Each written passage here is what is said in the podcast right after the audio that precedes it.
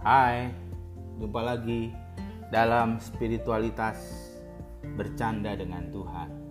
Salam canda dari Tuhan buat saudara. Saudara, banyak sekali orang kalau ditanya apa kabar, jawabnya luar biasa. Begitu disuruh cerita apa yang luar biasa, yang diceritakan biasa-biasa saja.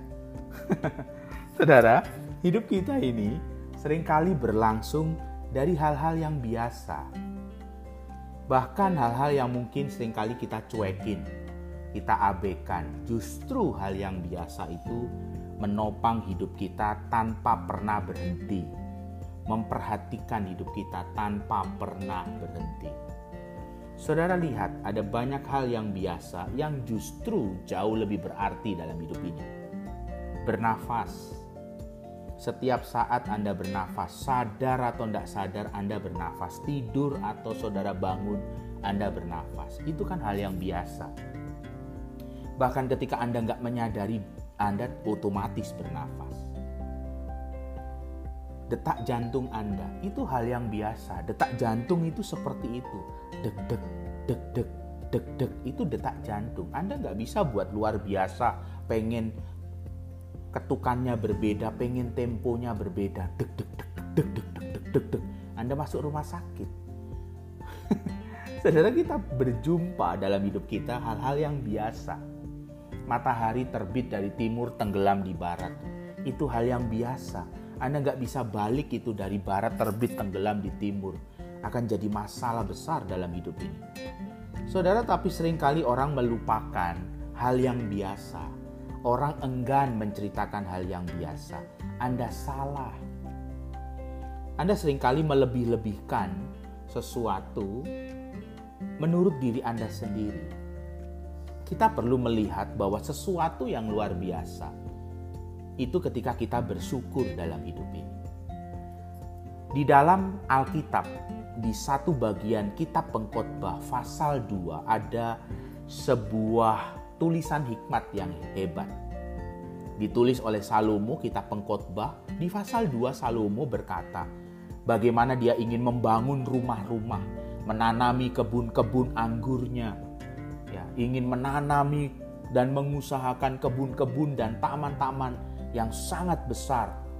Dia ingin menggali kolam-kolam untuk mengairi tanaman-tanamannya. Dia ingin menjadi seorang raja yang dilimpahi dengan perak dan emas dan dikelilingi oleh wanita-wanita, bahkan gundik-gundik yang sangat banyak. Itu di dalam pasal 2 kita pengkhotbah. Tetapi kemudian di ayat 11 pasal 2, sang pengkhotbah bertobat.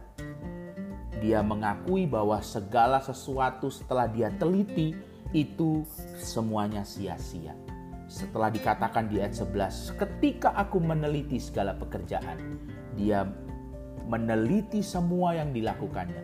Dia mengatakan semua sia-sia. Meneliti dalam bahasa Ibrani-nya pana'ah. Pana'ah itu menoleh ke belakang. Dan dia melihat apa yang dia pikirkan besar, yang hebat, yang dia inginkan. Ternyata semua itu sia-sia. Akhirnya pengkhotbah bertobat di pasal 9 kemudian pertobatan itu diungkapkan oleh pengkhotbah. Pengkhotbah pasal 9 dia berkata, tidak lagi berpikir tentang kebun anggur yang besar. Di pasal 9 dia berkata cukup satu gelas anggur dengan kesenangan di hati. Tidak lagi bicara seperti pasal 2 dengan dikerumuni wanita-wanita dengan banyak gundik. Di pasal 9 dia berkata, aku ingin menikmati hidup dengan seorang istri yang kukasihi. Saudara lihat, ada banyak hal yang biasa dalam hidup ini yang sering kali kita abaikan. Kita perlu belajar. Tuhan sering kali mengajar hidup kita. Lebih sering dengan hal-hal yang biasa.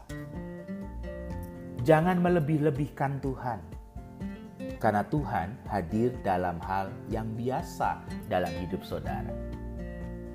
Tuhan dari dulu luar biasa. Anda tidak perlu menambah keluar biasaan Tuhan. Tetapi Anda dan saya ketika bercanda dengan Tuhan, Anda harus membiasakan diri dengan Tuhan.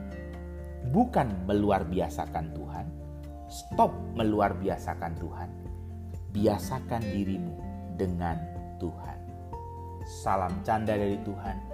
Semangat di dalam spiritualitas bercanda dengan Tuhan. Amin.